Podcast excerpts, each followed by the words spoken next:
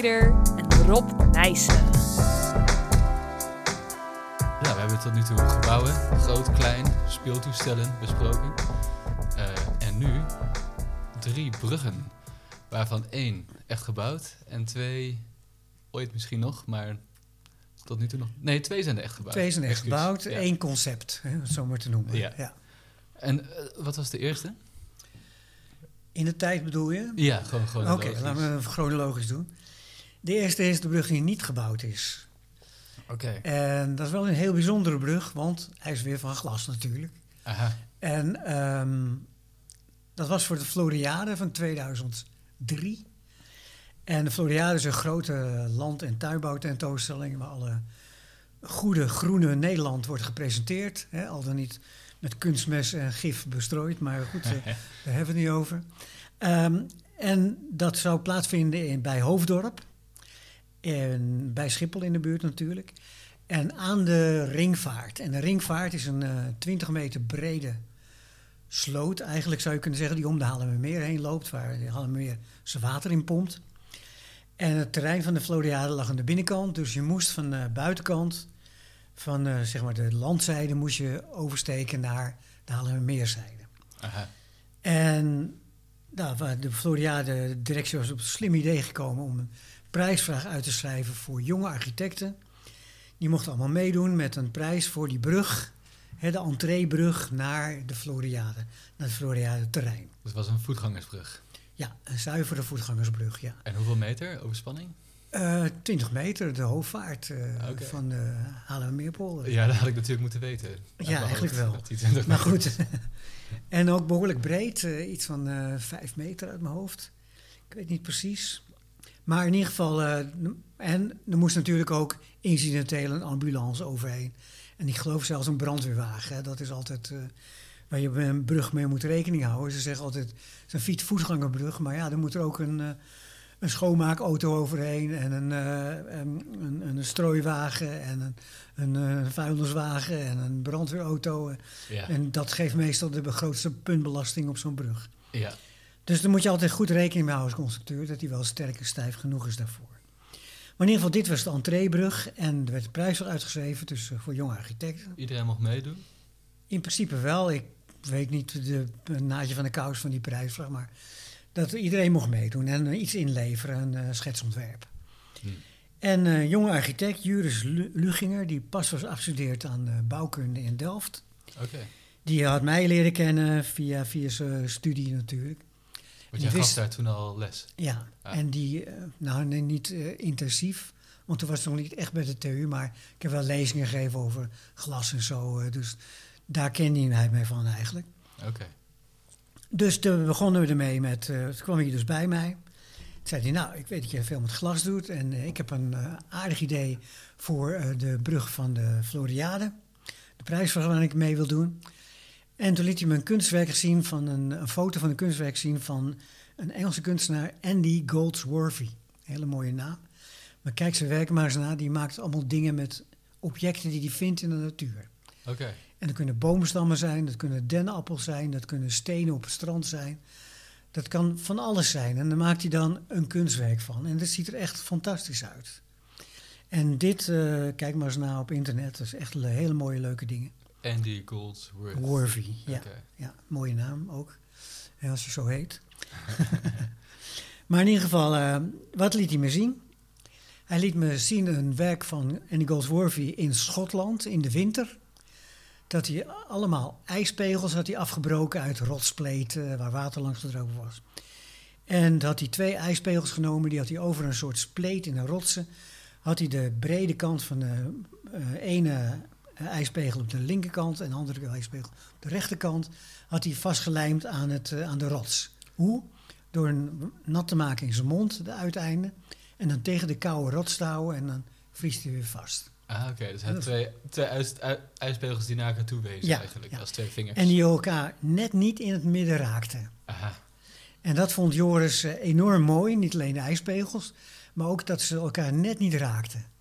Want hij zegt, als we dan die brug gaan bouwen op, uh, op de Floriade, dan moet je echt over een opening heen stappen ja. voordat je op de Floriade bent. Hè. Je moet letterlijk de, de, de stap maken naar het uh, fluoriade terrein. Ja, dus eigenlijk de brug maakt de, haal- haalt de opening niet weg, maar maakt de opening alleen heel klein, zodat je er zelf Ja, ja, kan. precies. Ja, ja, ja, ja. Dat is natuurlijk een aardig idee voor een brug. Hè? Dat, eh, meestal gaan we de brug aan elkaar knopen om hem sterk en stijf te maken. Maar in dit geval moesten dus van twee kanten moesten ze dus uitkragen. Aha.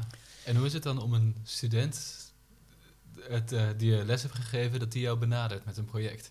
Nou, ik vind het heel leuk. Hè? Dat, Ja. eh, de meeste ingenieursbureaus vinden dat niet leuk. Nee? Want het kost alleen maar tijd en eh, hoop aandacht. En je moet nog een hoop risico nemen met allemaal nieuwe constructies. Ah, oké. Dus moet, jij moest het ook een beetje gratis doen. Ja, ja je, moet al- je moet altijd gratis doen.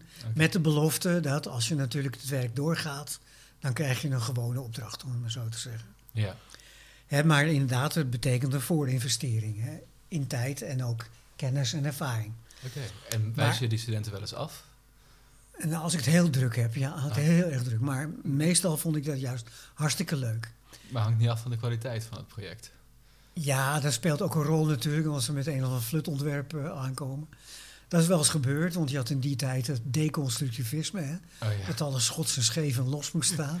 Ja, ja, ja. Nou ja, dan stort het op papier al in elkaar. ja, Dat- dat is voor een kan ik- niet, eh, niet nee, dat, eh, dat, daar moeten we niet aan beginnen. dus en, en dat, ik vind het altijd interessant om te doen, want dan kun je dus nieuwe dingen proberen. En je kunt eh, andere oplossingen zoeken die misschien niet zo voor de hand liggen. Hmm. Als je ziekenhuis moet bouwen of een, een, een, een sporthal, ja, dan is eigenlijk al, ligt al vast hoe dat eruit moet zien. Hè? De stalen balken, kanaalplaten, hè, zo goedkoop mogelijk natuurlijk. Dus daar vind ik als constructeur er weinig eer aan te behalen. Hè? Je kunt je vak niet eh, uitdiepen en verbreden. Ja. Terwijl in prijsvragen, zoals deze prijsvraag, hè, maar dat geldt voor alle prijsvragen trouwens, dat, dan, dan gaat er, daar komen we een stap mee verder, want dan kunnen we nieuwe dingen proberen. Nou goed, En het hielp natuurlijk dat hij iets van glas wou. Ja, dat kwam gewoon nog bij, want eh, de eerste vraag was natuurlijk, dit is nu een ijspegel van ijs, maar kunnen we die ook van glas maken? Dat was Ja. de eerste vraag van Joris. En als hij had gevraagd, kunnen we die van hout maken? Had je misschien gezegd, eh, ik heb geen tijd. Ja, maar dat is een theoretisch geval wat Eh, hij vroeg. Of, Ja, ja oké. Ik kan me voorstellen dat er een aantal factoren ja, zijn met, waarom je besluit hout had ik het. Ja, dan had ik tegen, doen, dan had ik maar. tegen Joris gezegd: waarom maken we niet van glas? Ja, ja oké, dan had je hem overtuigd. Ja.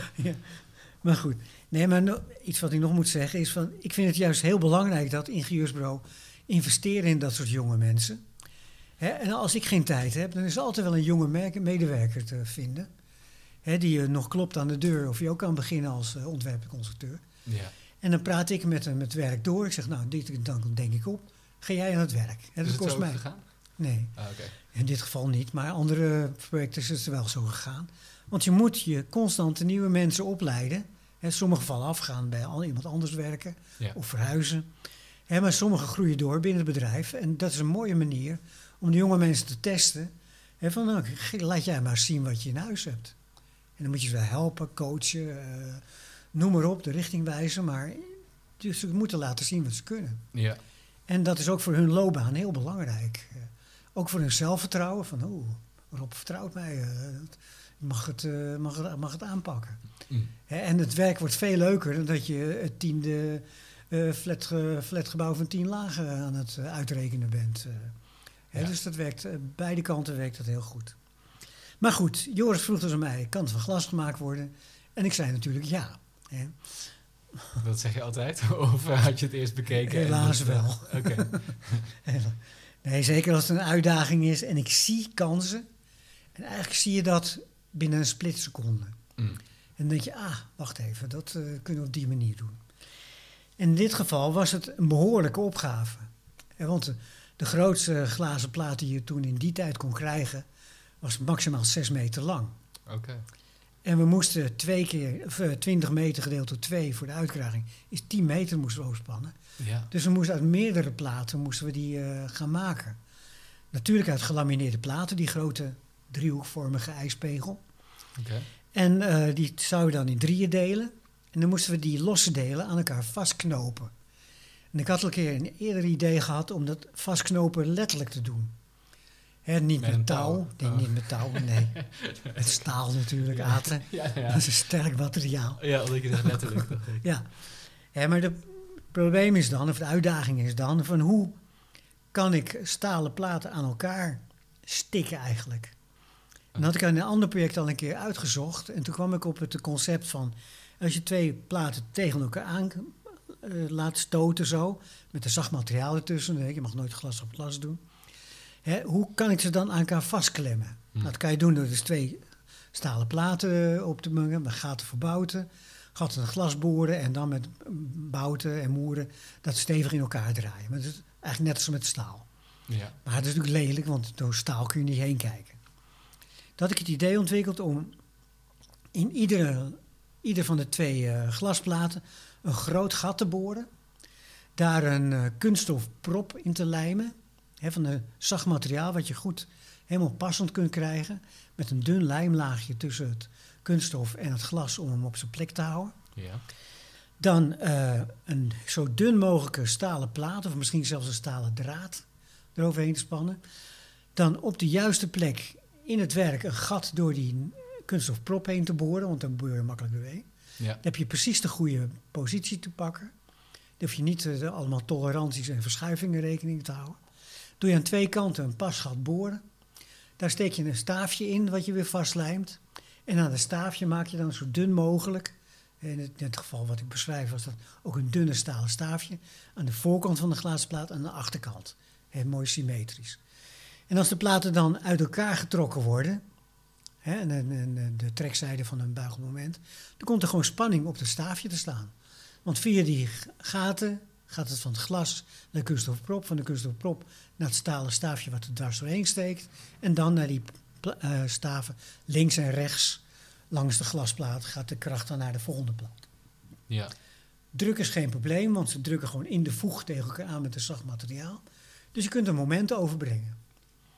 En een andere optie, Mhm. ik zit even te kijken, want dat, dan, eh, dan, dan rust het- de kracht rust gewoon op die bout, hè?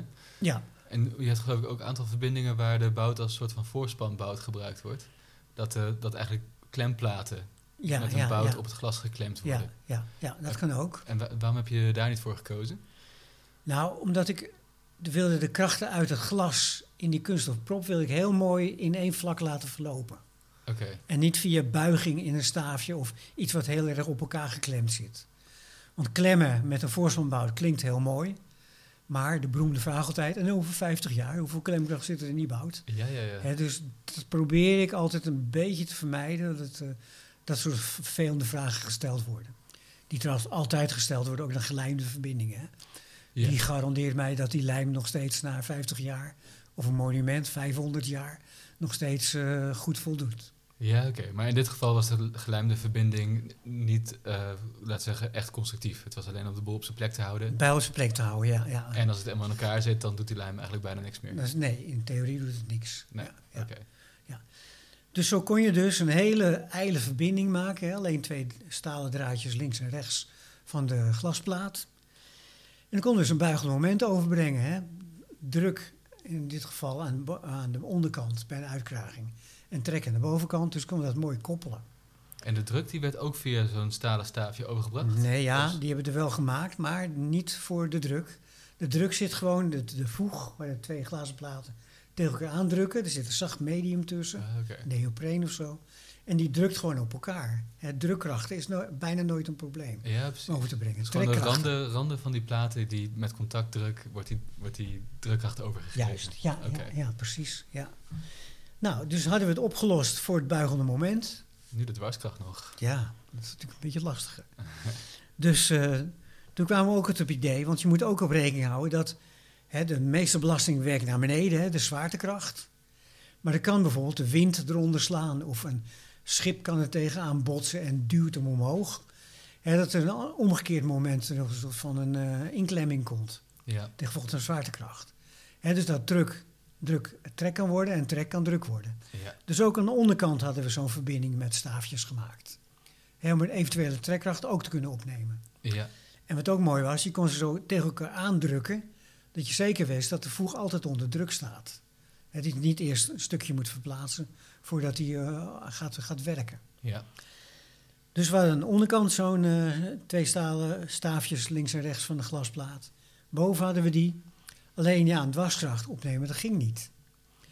Toen kwamen we op het idee om van de ene kant, van de, link, van de rechterkant van de verbinding, over de voeg heen naar de onderkant een, eh, een, een stalen draad aan te brengen. De voor- en achterkant, mooi symmetrisch. Die als het dan diagonaal over die verbinding heen gaat en dat neemt het dwarskracht op. Oké. Alleen bij een dwarskracht eh, in de de richting van de zwaartekracht. zwaartekracht. Ja. Ja, Maar andersom had je natuurlijk gekeken naar... ja er waren kleinere, veel kleinere krachten, dus dat was niet echt kritisch. Ah, Oké. Heb je ook gekeken naar alternatieven, zoals bijvoorbeeld een, eh, een nok of zo? Ja, dat hebben we andere projecten al gebruikt, maar hoe ingewikkeld je een glasplaat maakt, hè, met een nok en een nok die erin valt, en noem maar op, hoe duurder het allemaal wordt eh, voor de heren glasproducenten om te maken. Ja, oké. Want voor deze schuine staaf die de dwarskracht moest overbrengen, waren geen nieuwe gaten nodig. Dat nee, er waren bestaande- gelukkig ook geen nieuwe gaten. Ja. Ja, oké. ja. Ja. ja. Dus we hadden een mooie Z-verbinding, zoals we hem noemen. Ja. Van de Z van Zorro, die liep er zo door die eh, balk heen. En we hadden een hele mooie verbinding gemaakt die vrijwel transparant was. eh. en met dunne staafjes eh, over de voeg heen. Oké. En die Dus- was dan op 6 meter of op 5 meter? Nee, de, de, hele balk, eh, de uitkragende balk, de uitkragende ijspegel, was 10 meter lang. En die hebben we in drie stukken verdeeld van zeg maar iedere 3 meter 30. Oké. Maar de, de glasplaten waren beschikbaar in 6 meter al. Ja, Dus ja, had je ook twee van 5 kunnen pakken. ja, ja, maar die zijn dan veel duurder. Ah.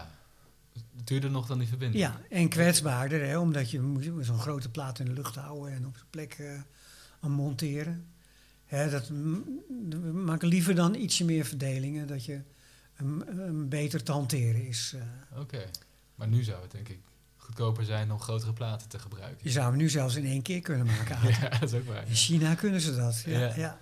ja, Dus zo zie je maar hoe de, de, de, techniek toch vooruit gaat. eh. weliswaar in mijn ogen is veel te langzaam, maar goed, het gaat vooruit. eh. Ja. Ja. En ik heb nog wel een paar vragen, nu we toch zijn aangeland. ja, Eh, als je, daar, ja, je hebt eigenlijk een, eh, een negatief moment hè, bij een uitkraging. ja, En normaal bij een positief moment werkt eigenlijk het dek als kipsteun. ja. Dus dat de ligger niet zijdelings wegknikt. Maar bij een negatief moment, eh, ja, die onderflens wordt eigenlijk niet gesteund door het dek. ja, ja. Had je daar nog problemen mee? Gelukkig niet, maar daar hebben we ook bewust naar gestreefd. Want we hebben een behoorlijke dikke ijspegel gemaakt hoor. Bij de opleggingen was die twee meter dik. Of, eh, hoog, sorry, hoog. Ja. Dus ten opzichte van 10 meter eh, uitkraging is het 1 op 5. Nou ja, dat is een hele stijve ligger. Oh ja. Dus span- de drukspanning spanningen waren, drukspanningen waren heel laag. En dan konden we dat met allemaal formules en ook ingewikkelde computerprogramma's... konden we dat controleren en dat bleek dik onder de kritische waarde te zitten. Oké. Hè, een unity eh, coëfficiënt van eh 0,01 of zoiets. Ja, ja. nou, 0,1, eh, niet overdrijven. Maar het is heel weinig in ieder geval. Hè, dus dat was echt veilig. En daar hoefden we ons geen zorgen over te maken. Oké.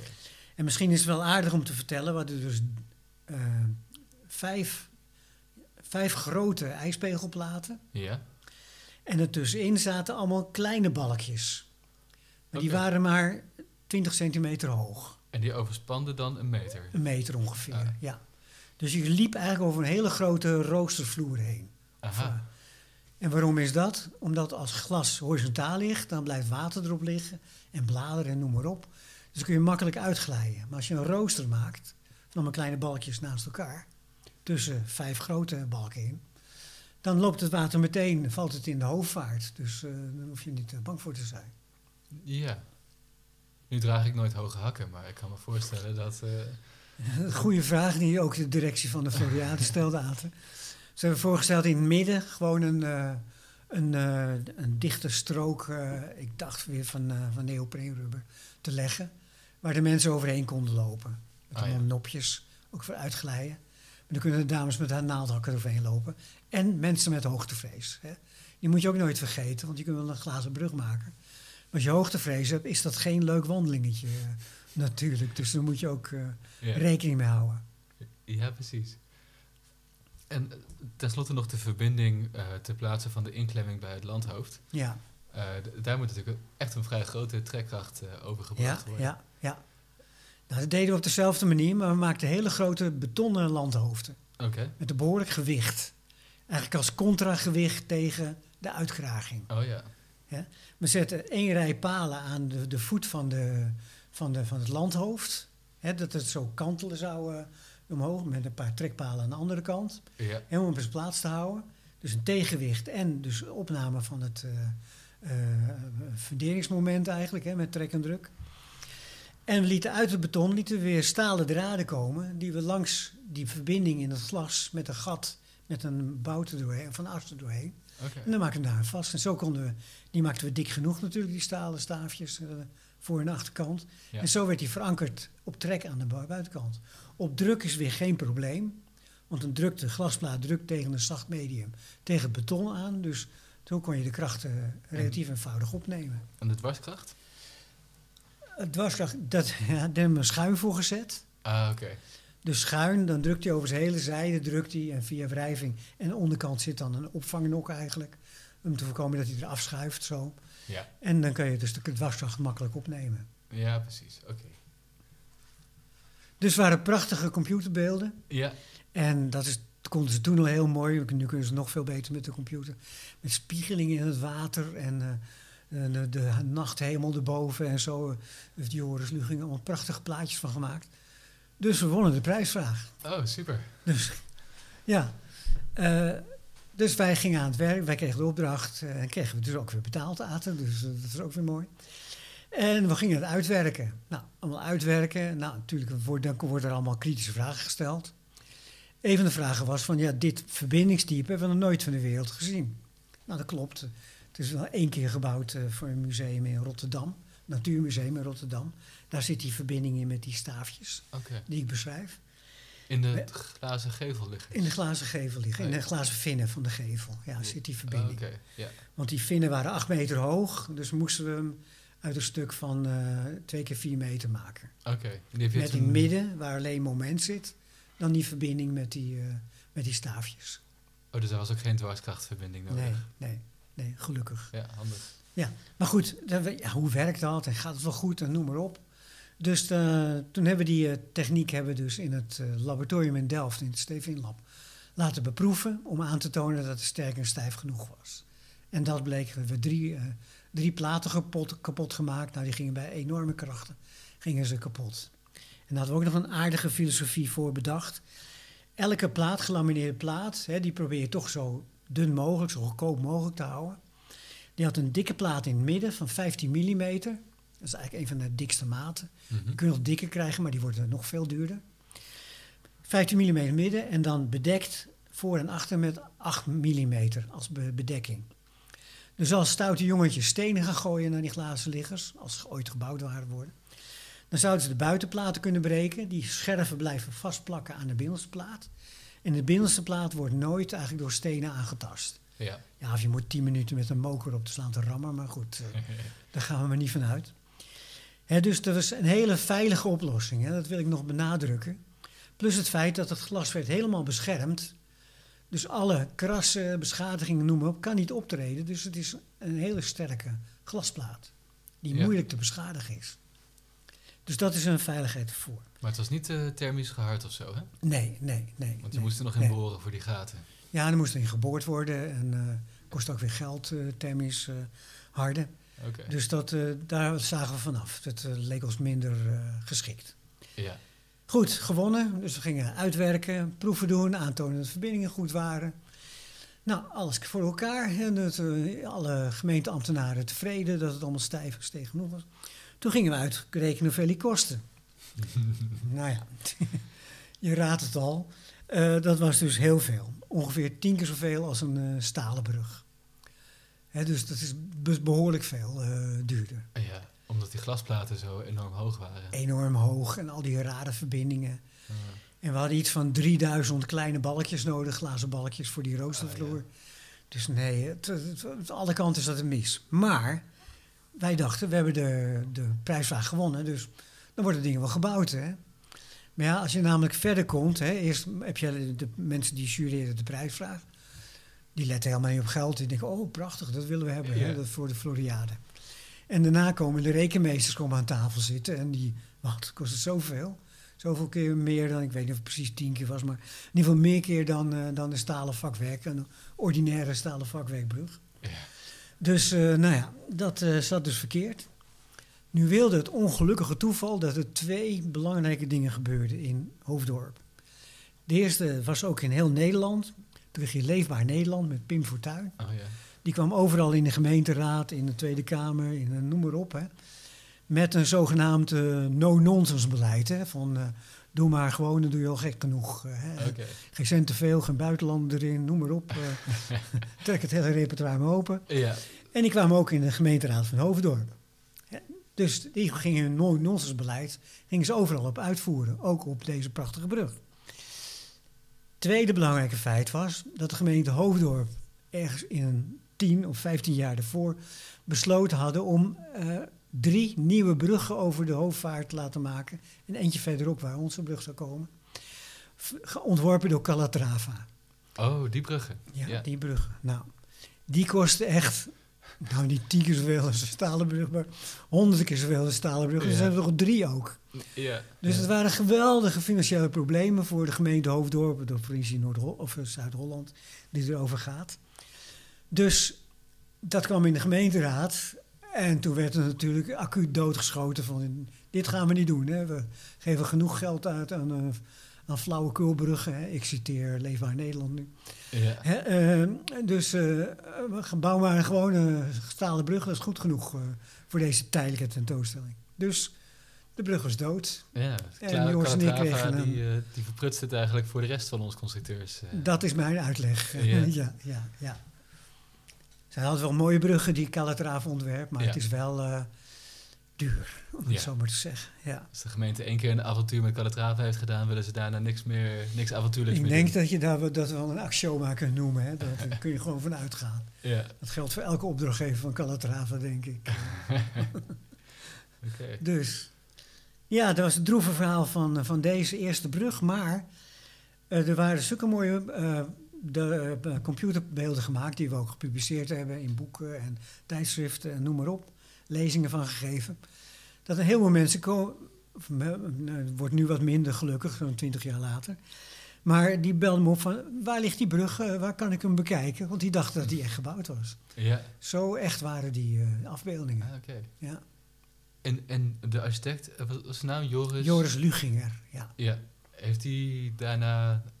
Hij heeft een tijdje bij Erik van Egeraat gewerkt. Ah, oké. En nu werkt hij voor zichzelf. Oké, En hij heeft een paar aardige gebouwen gemaakt. eh, ja. Oké, gelukkig. Ja, ja, die timmert aardig aan de weg. Ja.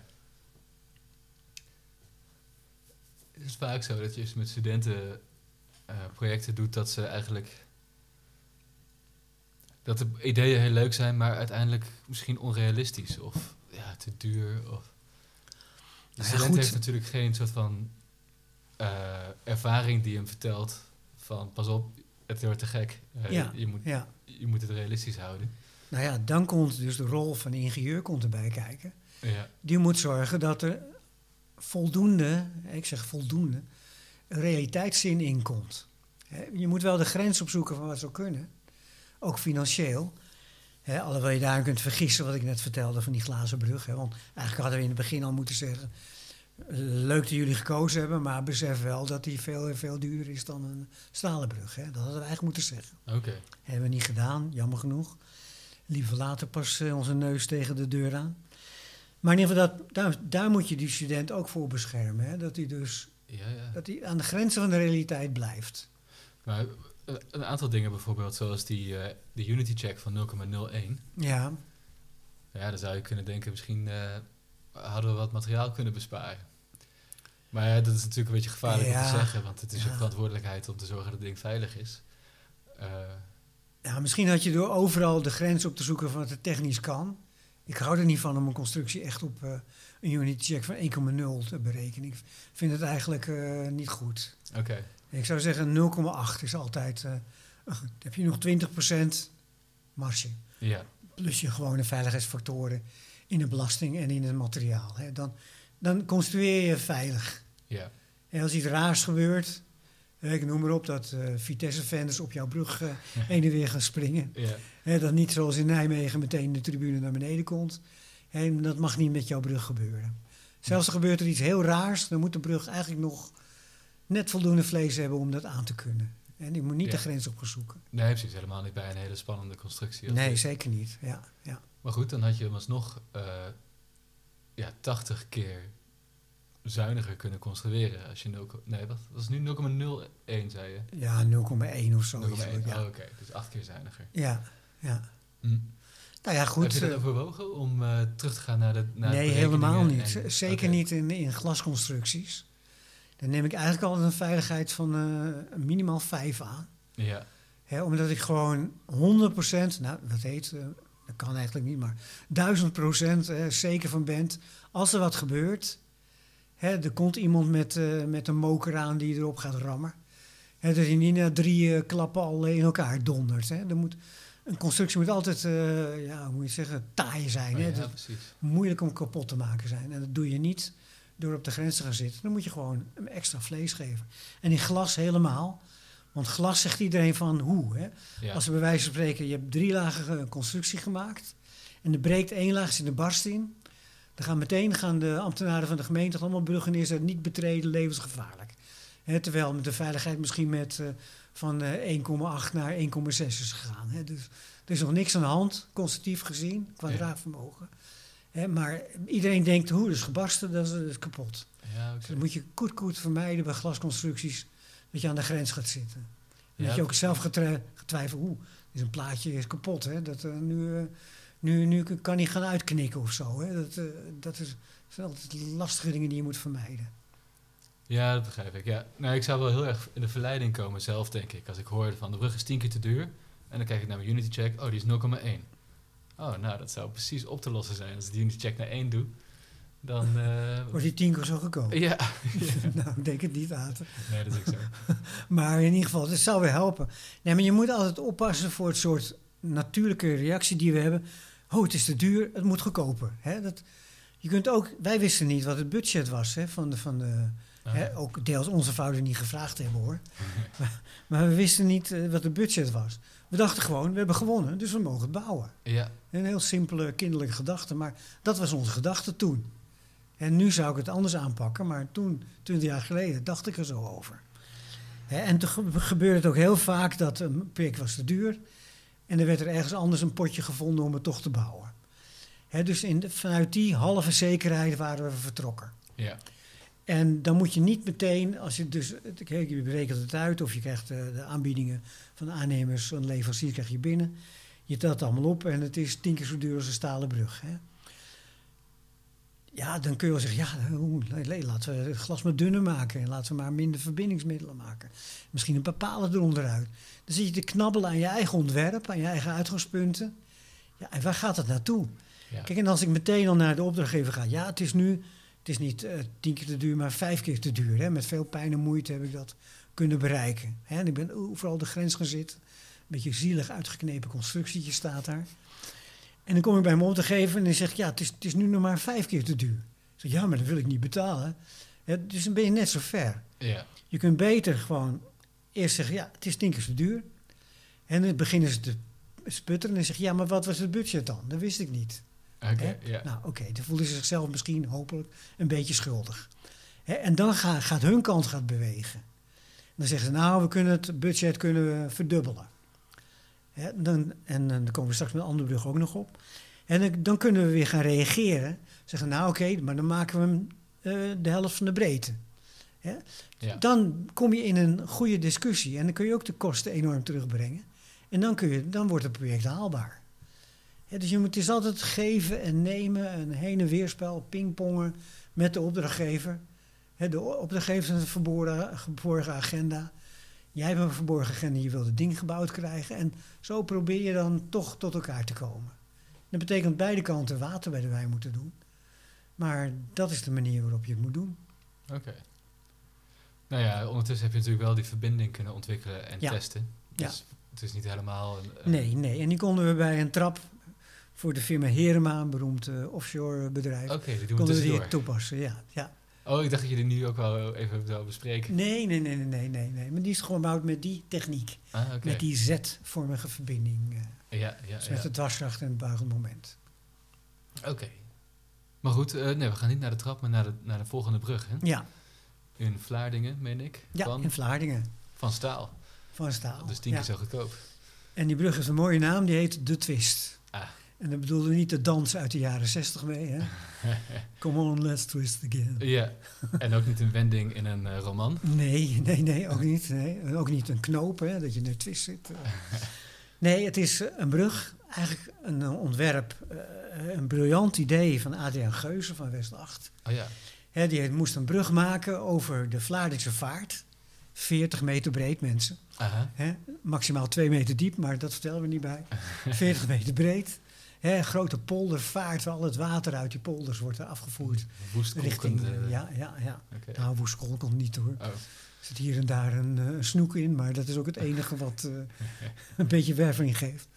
Maar de, dus die moest overbrugd worden voor een fietsroute. Want tegenwoordig, en heel slim en heel goed, wordt het fietsen wordt losgeknipt van de auto's. Dat alle schoolkinderen en recreanten geen last hebben van voorbijsnellende vrachtauto's of sportauto's met kapotte uitlaat. ja, en de gewone eh forensen natuurlijk ook. En de gewone forense verkeer, ja, Ja. ja. Waar de schoolkinderen zich ook doorheen moeten worstelen. eh, Van school X naar school eh, huis Y. Ja. Dus eh, er moest een mooie brug komen, vond de gemeente Vlaardingen. En hadden er ook geld voor beschikbaar gesteld. Nu wel dus. Hè. Weer te weinig, komen we straks op. Maar goed, eh, we hadden geld voor. En ze hadden Adriaan Geuze uitgenodigd, via een prijsvraag geloof ik, West 8, om een mooi landmark brug te maken. Dat moest echt een brug zijn die in het vlakke landschap zou opvallen. En als je naartoe fietst, dat je dan, eh, je komt er voor het eerst, je denkt, wat gebeurt daar nou? Hè? Dat is, eh, hey, dat is bijzonder. En dan fiets je er wat sneller naartoe, hè? En dan, eh, wat makkelijker. En dan ga je kijken. En dan heb je een mooie ervaring als je door of over die brug gaat. Ja. Nou, dat moest Arjen Geuze doen. En die kwam toen met het briljante idee om een gewone kokerbrug te nemen met in alle vier de vlakken een vakwerk. Oké, En dat van rubber te denken en hem dan allebei de kanten een kwartslag te draaien. Dus die koker die werd vervormd tot een spiraalvormige koker. ja. Kun je het voorstellen? Ja, Ja, En dus je daar- hebt, ja, oké. Dus je hebt eigenlijk een vakwerkkoker en die geef je een draai. ja Een twist. een rechthoekige koker en die geef je een twist. En dan eh, wordt die hele mooie, eh ja, torderende vorm eigenlijk. Ja. Met alle vakwerken die allemaal ook scheef zitten en zo. Had hij daar mooie maquette van? Dat hij het ook zo... Hup. Nee, dat is alleen computerbeelden van, Ah. want in de maquette is dat heel moeilijk te maken. Nou, ik dacht misschien heeft hij een stukje papier dan uitgeknipt en dan dat je het zo principe zo tijdens de presentatie Nee, nee, nee, dat is laat een goed idee. Ja, dat had wel Ja. gekund. Ja. Nee, nee, er werd gewoon allemaal computermodellen gemaakt. En eh, toen vroeg A- Adriaan Geuze vroeg ABT en mij of ik eh, er weer berekeningen daarvoor wilde maken. Eerst vroeg hij of het kon. Hè. Dat is een goede vraag van Adriaan, want het is natuurlijk een hartstikke slappe constructie. Zo'n getordeerde koker. Dat, Ja. is, eh, dat eh, heeft bijna geen weerstand. eh, hè. En hoe we dat nou kunnen bereiken, want het zit allemaal scheef, dus dat zakt, zakt een kant op eigenlijk. eh. Ah, oké. Eh, Dit was nog... Hij kwam naar je toe voordat hij de prijsvraag won. Nee, hij had de prijsvraag gewonnen, ja. Ah, toen Ja, toen moest het gaan bouwen. Toen ging hij checken of het eigenlijk wel kon. Ja. Ja, oké. Ja, je moet een beetje overtuigingskracht hebben als architect. ja. Hè, dat, eh, dat kun je aan Adriaan wel overlaten, die kan goed praten. Dat eh, was geen probleem. Oké. Maar goed, eh, Dus hij kwam langs bij jullie in Velp. ja, ja, ja, ja. Je had het mapje met tekeningen bij zich. Ja, een mapje met tekeningen. Een assistent die het allemaal netjes uitlegde en die Oh, allerlei tekeningen gemaakt had.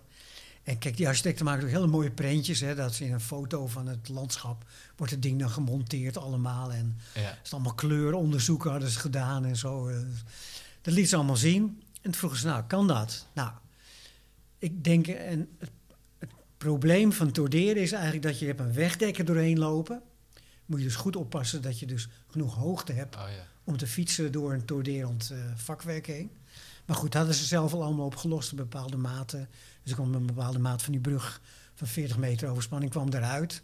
Ik dacht dat die 5 bij 5 was, eh, die, die, die doorsneden. en ehm, nou, dus de, de, daar moeten ze een wegdek doorheen.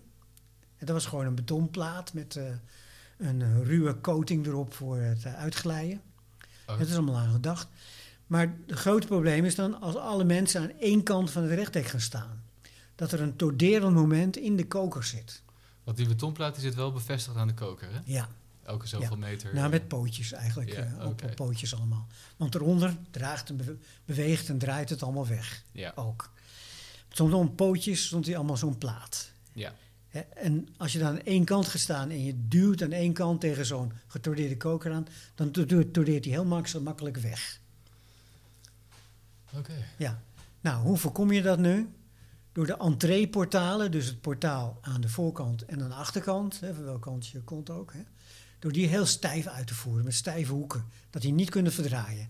En die goed vast te maken aan de ondergrond, aan de fundering. Ja. Dan kunnen die twee eindvlakken kunnen niet meer roteren. En dan is hij super torsie stijf. Dan is die typisch stijf. Ja. Ja, want het verbaasde me al dat je zei van ja, torsie is een probleem. Want het is eigenlijk een gesloten koker. Ja, Dus hij zou perfect moeten zijn om torsie te kunnen ja, weerstaan. maar dan moet je hem wel aan de voor- en achterkant goed vasthouden, Ja. fixeren. Hè, zodat je ook dat excentrische moment, als alle mensen aan één kant staan, omdat de koningin daar in een bootje langskomt, dat hij niet gaat to- torderen eigenlijk. Hè, dat het Ja. torsiomoment opgenomen kan worden. Maar door die twee portalen aan het einde goed stevig en sterk goed te maken en vast te maken aan de fundering, konden we dat goed opnemen. Ja, oké. Ja. Dus we konden gewoon ons computermodel maken, druk op de knop en alle staven werden bepaald. En toen kwam, er- toen kwam de architect kwam nog een keer om de hoek kijken. Die zei van, oh ja, eh, ik wil geen boutverbindingen zien. En eh, oh ja, hij moet ook nog eh, moet voor 30 jaar onderhoudsvrij zijn. Stalen brug, Hm. boven water, in de buitenklimaat. Dat kan met een hele dure verf voor de offshore-industrie. Een soort mengeling van zinkstofverf en, eh, en andere rare ingrediënten. Ik geloof gewoon geen chroom 6 of zo. Wat ze dus voor, voor, de, voor de tanks gebruiken en voor de vliegtuigen. Wat hartstikke giftig is. Maar het is geen giftig variant in ieder geval. Maar wel een heel ingewikkeld en duur verfsysteem. Eh, toevallig kloppen die twee eisen kloppen met elkaar. Want als je boutverbindingen maakt, moet je platen maken met bouten doorheen. Er zitten allemaal spleten in, dan moet je allemaal weer goed dichtverven. Dat lukt natuurlijk nooit 100%. En als een keer een horde schoolkinderen eroverheen geweest en die brug werd bewogen, zitten al die spleten zitten weer open. Dus dat is allemaal lastig. Dus de Ja. twee klopten redelijk met elkaar. Maar hoe maak je dat nou? En want een brug van 40 meter, zonder bouten en eh, zichtbare bouten. Je moet altijd, je zou over de brug, over de weg kun je vervoeren. Vijf en vijf is al moeilijk natuurlijk. Ja. Hè, maar stel dat het nog net zo kunnen, ik geloof 4,5 meter kan eh, uit mijn hoofd. Vrije profiel. Maar maximale lengte, nou, 10, 12 meter, eh, misschien 15, maar dat is het zo'n beetje wel. Oplegger is 14 als ik me niet vergis. Ja, ja dus dat, dat zou heel moeilijk worden. En dan zou je dus hè, zeg maar vier stukken van 10 meter moeten maken. Moet je aan elkaar koppelen met allemaal bouten en moeren en weet ik wat allemaal. Wil de architect ook niet zien natuurlijk. Dus hoe maak je dat nou? Nou, Bij Hollandia Staal zeker. Ja, en dan drijven we op Ja? een bok naartoe. Ja, dat, hebben we onderzocht. Oké. Maar er zaten te veel bruggen tussendoor die eh, een lagere hoogte hadden. Dus dat Oh, lukte helaas niet. Dat was een goede mogelijkheid geweest hoor. In een scheepswerf maken en dan op water zetten en dan naar de brug toe varen. Ja. En met andere constructie wel gedaan, maar hier lukte dat niet. Dus moesten we het anders doen. Nou, toen kwamen we gelukkig met een goed eh, staalbedrijf uit Middelburg. Jullie zoeken maar op hoe ze heten. Eh, kwamen we tot de volgende slimme aanpak. Ze bouwden hem helemaal in elkaar op hun werf in Middelburg. Zodat alles, zeker weet dat alles past. Helemaal getordeerd en al in elkaar gelast worden. Daarna werd hij weer losgeslepen in losse, zo groot mogelijke onderdelen. Die wel over de weg vervoerd waren. Dat was allemaal vlakken van die eh, vier zijden van de koker eigenlijk. Oh ja. En dan werd hij naar de, naar de bouwplaats gemonteerd. Daar hadden ze van, met containers en een plastic dak... hadden ze een tijdelijke loods gemaakt. Er werden, al die delen werden aan, weer aan elkaar gelast. Dus dat je alleen maar lastnaden. Ja. Je wist dat alles paste omdat je hem al een keer in Limburg of in eh, Middelburg gebouwd had. Dus je hoefde daar niet aan te twijfelen. Dus al in elkaar gelast. Lassen werden netjes weggeslepen, dat je ze niet eh, zag aftekenen. En toen werd alles in dat eh, offshore verfsysteem gezet. In die loods. Hè, onder gecontroleerde omstandigheden met tijd, met temperatuur en, eh, en relatieve vochtigheid. Oké. Dus was hij klaar. Toen werd de loods afgebroken. Toen kwamen er twee grote kranen. één op de ene zijde van de Vlaardingse en één van de andere zijde. Ze tilden hem op en zetten hem neer op de twee landhoofden. Nou, nu nog een tussenstap van te duur. Oh ja. 40 meter overspanning. Nou, allemaal netjes uitgewerkt. En het is natuurlijk lastig maken, zo'n tor- getordeerde brug. Moet je alles vasthouden. Hè, met, van spreken met twee man. En eentje kan lassen. En moet afgelast worden. En moet je diagonaal voor diagonaal. En we hadden gekozen voor veel kleine diagonalen. De architecten wilden niet grote, dikke diagonalen. Die hard apart eh, vijf meter zaten.